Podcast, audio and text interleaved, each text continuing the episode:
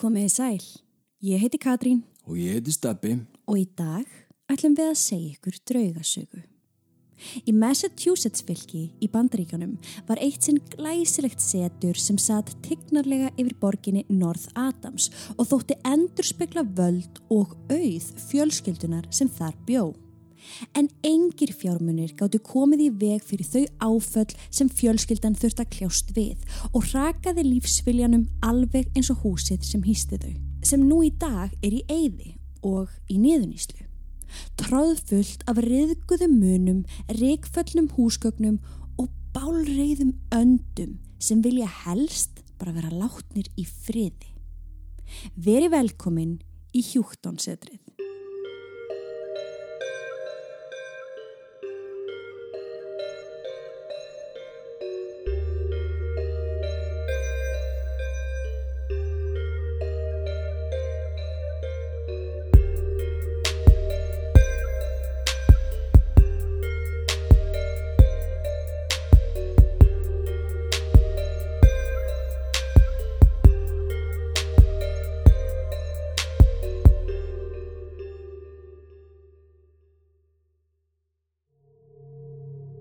Við viljum minna á að draugasögnar okkar eru ekki við hæfi barna yngre en 13 ára nema með leifi fullorna.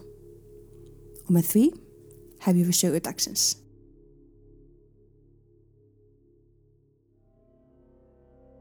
Albert C. Hjúkton var frá Vermont og var stórtækur fastegna mógull í lok átjöndu aldar.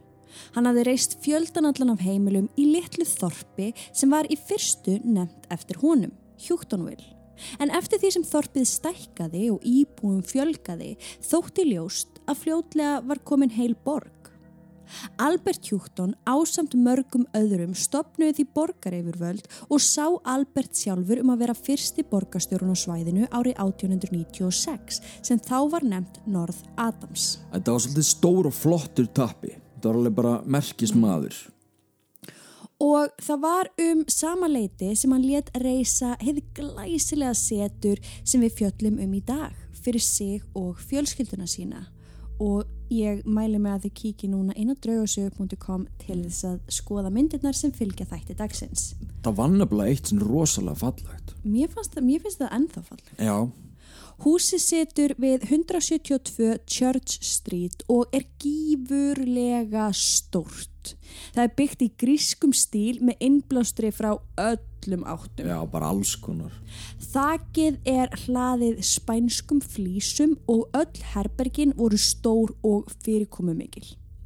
Garðurinn í kring er þakkinn blómlegum beðum og er glæsilegur umhverfis alla eignina en margar veislur og fjáraflanir voru haldnar í garðinum sem og í veislusölum húsins. Í kringum alla lóðina svo er steinveggur. Albert var giftur Cordelia Hjúktón og þau eignuðust alls fimm dætur. En Lora, fyrsta barnið þeirra, lést aðeins fjögur ára gömul og það gerist áður en þau flutti í húsið. Hinar tvær dæturnar voru eldri og giftust fljótlega og byggðu heimili með sínum mönnum. En Alice, fjórðadóttið þeirra, lést svo tíu árum eftir að þau fluttin í húsið eða hans 31 ása aldri. Eftir voru því hjónin Albert og Cordelia og yngsta dóttið þeirra Mary. Þannig að þannig eru þau búin að missa tvær, Tvær dætur. Tvær dætur, ein fjögur ára, hinn 31 ás. sem lést inn í húsinu. Hún lést inn í húsinu og hinar tvær dæturna þær búangstar með mönnunum sínum Mhm. og þá er það þessi yngsta sem býr með þeim núna. Já, Mary. En svo gerist það sama ár og þau bera til grafar dóttur sína Alice að heilsu Alberts fyrir að raka allt svakalega. Yngsta dótturinn Mary sór þarna að hún skildi aldrei giftast neinum manni því hún vildi helga lífi sínu til að vera til staða fyrir föður sinn sem hafði gefið svo mikið af sér til samfélagsins en mist svo mikið sjálfur. Auk hjónana og Mary var fjölskylduvinurinn John Withers búsettur í setrinu og starfaði sem aðstofamaður Alberts og sá um heimilið. Hann sá ætíð um hestana sem voru í þartilgerðu hesthúsi sem var sér eining sem lá frá sjálfu heimilinu Já, og sáum að keira fjölskyldu meðlumi á hestakerrum til og frá húsinu í hinum og þessum erindagjörðum. hann var svona eiginlega bara það hjá þeim og hann gerði allt. Hann bara sá um matinn og innkaup hann gerði allt. En annars byggu þau bara þrjú Já, í þessu húsi, í þessu risastóru. risastóra húsi. En sumari 1914 var komin nýjung í farþegaflutningum sem gekk fyrir bensíni og það var þá sem Albert keipti einn af fyrstu bílónum í Massachusetts.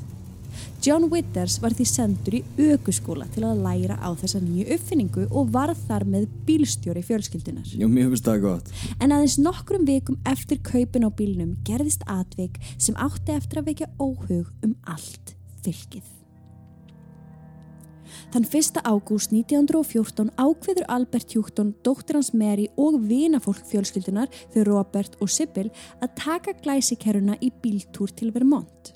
Sem fyrr var John Withers bak við stýrið en Cordelia ákveður að vera eftir heima. Bílinn rennur úr hlaði Hjúkton setur sinns klukka nýju um morgunin og voru þau komin að ókilbrekkunni um hálftíma síðar.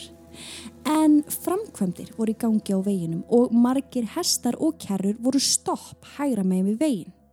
John Withers ákveður þá að keira vinstra megin fram hjá röðinni með þeim afleiðingum að vinstra framdekkið fer ofan í gjótu sem steipir bílnum og veldur honum alls þrjár veldur niður brekkuna. Konurna tvær þar Sibyl og Mary Hjúkton létu lífið samstundis og menninni þrýr voru fluttir á sjúkrahús. Albert Hjúkton var þarna búin að missa þriðju dóttur sína. Hann sjálfur var útskrifaður með minniháttar meðisli og var sendur til síns heima sama dag.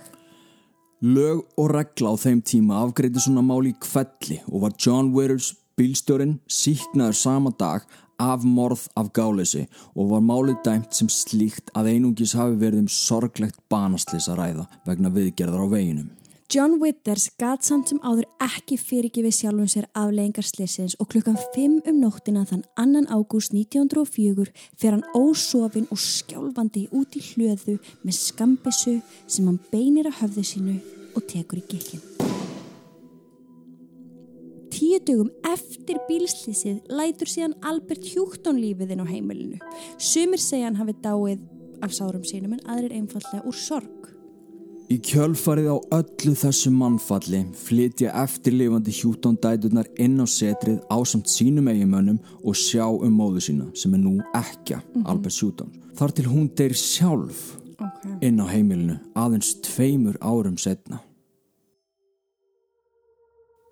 Andar Alberts og Mary Hjúkton eru sögð hafa gert sig heimkomin strax í kjölfar dauða þeirra og sáu fjölskylda þeirra maðgininn ímist á þriðju eða annari hæð húsins bregða fyrir og hverfa inn í gömlu herbergin sín. Andi John Withers er líka talin ráfaðna um en ólíkt maðginunum er andi hans svartur eða sýnir sig sem skuggaveru í kjallarunum og á neðri hæðum setursins. Þung nærvera fylgir honum og hefur fólk reglulega í gegnum tíðina fundið fyrir mikill sorgartilfinningu, annarkvort fljótlega eftir eða áður en þau sjá hann og í sumum tilfellum hefur hann ítt við fólki að það niðri. Þær systur búa svo áfram í húsinu í tíu ár eða til ársins 1926 þegar það er ákveð að selja frímúrarreglunni húsið. Frímúrarnir byggja tegnarlegt hóf við hlið glæsilega setursins sem sagt þeir stækka það Já, gera svona viðbætur. og halda því vel við næstu ára tögina. Þó að líti sér vitað um hvað fór fram í húsinu á þeim tíma sem frímururnir áttu það, enda eru leindadómar og þagnarskilda eitt af aðal reglum þeirra, Einmitt. þá er samt vitað að margir fundir og stórar vislur voru reglulega haldnar í hjúktonsetrinu á vegum þeirra. Að því sögðu er heldur ekki vitað hvort að einhver úr reglunni hafi búið í húsinu á meðan á starfseminni stóð, né hvort einhver fleiri döðsfull hafi átt sér þar stað. En undarlegur stóll setur samt ennþá í kjallaran. Þetta er gamall rakarastóll sem frímúrar eru sagðir hafa notað í vikslu aðtöfnum nýra meðlima. Þar sem viðkomandi var festur niður í stólinn og svo margsinnis verið gefið rafstuð til að staðfesta hotlustu sína til reglunar. Það hefur öruglega farið úrskeiðis nokkru sinnum á þeim 90 árum sem reglan átti húsið þó verðt sé að taka fram að þessi aðferð er ekki notuð lengur við viksluattafnir í dag. Ok, En hvað veitum við svo einmitt. En naglabretti voru líka notuð í húsinu sem pyntingaaðferði fyrir sveikula meðlimi. Þessi bretti hafa ólíkt stólnum samt verið tekin úr húsinu Já, og ok. þeim verið fargað. Heimildir herma þó að frímúrarnir hafi spilað fyrstu nóturnar í læginu Shave and a Haircut Já, sem er svo svo bara salt, kjött og bönir þemað. og þegar þeir gerðu það þá fengu þeir tvær seinustu nóturnar spilaðar af óséðum öflum tilbaka. Og slíkt getur vist ennþá heyrst í dag. Þegar þú ert búinn að hlusta á þennan þátt skaltu kíkin á patreon.com skástrík draugasögur þar sem við bjóðum upp á þrjár mismunandi áskriftaleiðir. Draugasögur aðdándur fá einn auka þátt í mánuði, draugasögur fjölskyldan far fjóra auka þætti í mánuði og draugasögur kynnslóðin þar sem þú far fjóra auka þætti hverju mánuði, eina mínisögu í hverju viku, sönnunagögn og myndefn úr öllum rásóknum okkar, tekur þátt í spjallþáttum með okkur og margt, margt fleira. Nýjir áskrifundur fá aðgang á öllu efni frá upphafi strax við skráningu. Eftir hver er þú að býða? Á síðustu árum leiði reglan húsið út til þeirra sem þorðu fyrir 8-10 dollara á nóttina en skilirðin eða réttar sagt reglurnar voru aðeins þrjár. Engin eiturlif, ekkert áfengi og alls engin andaglös. Það er svo annað mál hvort því hafi verið fyllt eftir en margir gripu tækifærið og heimsóttu hið fræga draugasetur í North Adams. Meðal annars Ghost Adventures, Ghost Hunters og The Most Scariest Places on Earth. Þannig það hafa margir verið þarna og tekið upp. Það urðu margir varir við að rammakstæki fór í gang án þess að þau væri í sambandi. Ljós loguðu aldrinum í nokkra sekundur þó ekkert amaði að þeim, líkt og hver sem gengum húsið væri skilt að gera það í myrkri. Eitt sinn var hópur í leiðsöguferðum húsið sem var um árið 2015. Hópurinn er leittur að herbergi Mary Houghton og sá sem leiðir hópin setur upp vasaljós á gólfið og reynir að eiga í samskipti við andan í herberginu. Aðferð sem er mikið notu og hefur skilað miklum árangri því það á að teljast mjög auðvelt fyrir anda einmitt að slökkva eða kveikja á einföldu vasaljósi. Mm Þess vegna líka samt gera er það alltaf hérna, þess vegna er þetta eiginlega alltaf sagt í öllum sögunum okkar, þú veist, ljós, kviknu og slöknu þetta er alltaf þannig. Þetta er bara algengasta. en í þessu tilfelli þá voru fyrirmælin mjög einföld. Ok. klikkaðu tvisor fyrir já en einu sinni fyrir nei Eftir að hafa spurt nokkra spurningar sem gestir tóku líka þátt í eins og meðal annars Ert þú Albert Hjúkton eða ert þú Mary Hjúkton og alltaf fengi svarið nei gerðist nokkuð sem engin viðstættur átti von á. Það blikkaði nefnilega hvorki einu sinni nýja tvisvar heldur logaði stöðugt og svo rann það hratt hálfan meter til hliðar. Vasaljósið hafði færst af sjálfum sér. Flestir viðstættra forðuðu sér afsíðis af hræðslu en hinir sem eftir voru skoðuðu vandlega vasaljósið hvort sem einhver brauð væri að ræða eða hvort einhver halli væri á gólfinu, Einmitt. en svo var ekki. Endalus spönk heyrast reglulega allstæðar í húsinu og margir hafa heyrt konu kvísla á mannlausum hæðanum. Á ákveðnum tímum hafa margir líka greint frá því að bæði heyra og sjá barn hlaupa um hlæjandi með bolta á undan sér en leikfung sem hafa verið skilin eftir í húsinu eru yðurlega komin á allt annan stað næst þegar komið er í húsið. En nú hugsa maður, þú veist, hvaða barn í rauninni geti verið þarna? Já, einmitt. Það fyrsta sem ég þetta er í hug það er kannski bara þessi fjár ára stelpa sem að dó þarna lungu áður en flutti í Já, húsi. já, já. Þegar bara fyllt fjölskyldinni kannski. Já, hver veit. Tveir menn sem störfuðu lengi vel í húsinu þegar það var í umsjó frímúrana sögðu frá atviki sem átti sér stað einn veturinn þegar þeir sátu í borstofu húsins og þeir heyra einhvern ganga inn um útidrahörðina. Ræskja sig og stappa svo fótunum nokkru sinnum eins og viðkomandi væri að hrista snjóin af skónum sínum. Þegar þeir ganga svo að andir í húsins til að heilsa viðkomandi er enginn þar. Dýramottan var full af snjó en enginn var sjáanlegur. Þeir leita og kalla til að vera vissur um að einhver óprútin aðili var ekki komin inn í húsið sem var samt eiginlega ómögulegt að þeir hafðu staðið upp um, um leið og einhver Já. hafði komið inn. En það sem þótti enn undarlegra var að engin fótspor voru sjáanlega fyrir utan húsið, samt var allt í snjó, nýja hurðina. Hvernig? Ég veit það ekki. En það var snjóra á móttunni sem var eins og umverulegur og hann gæti orðið. Þar sem húsið þótti ekki lengur örugt og viðhaldi síðustu ár þótti verulega ábótavant úrskurðaði borgaryfjöld í North Adams að framkvæmdir og viðgerður skildi vera gerðar á húsinu svo það erði ekki rifið.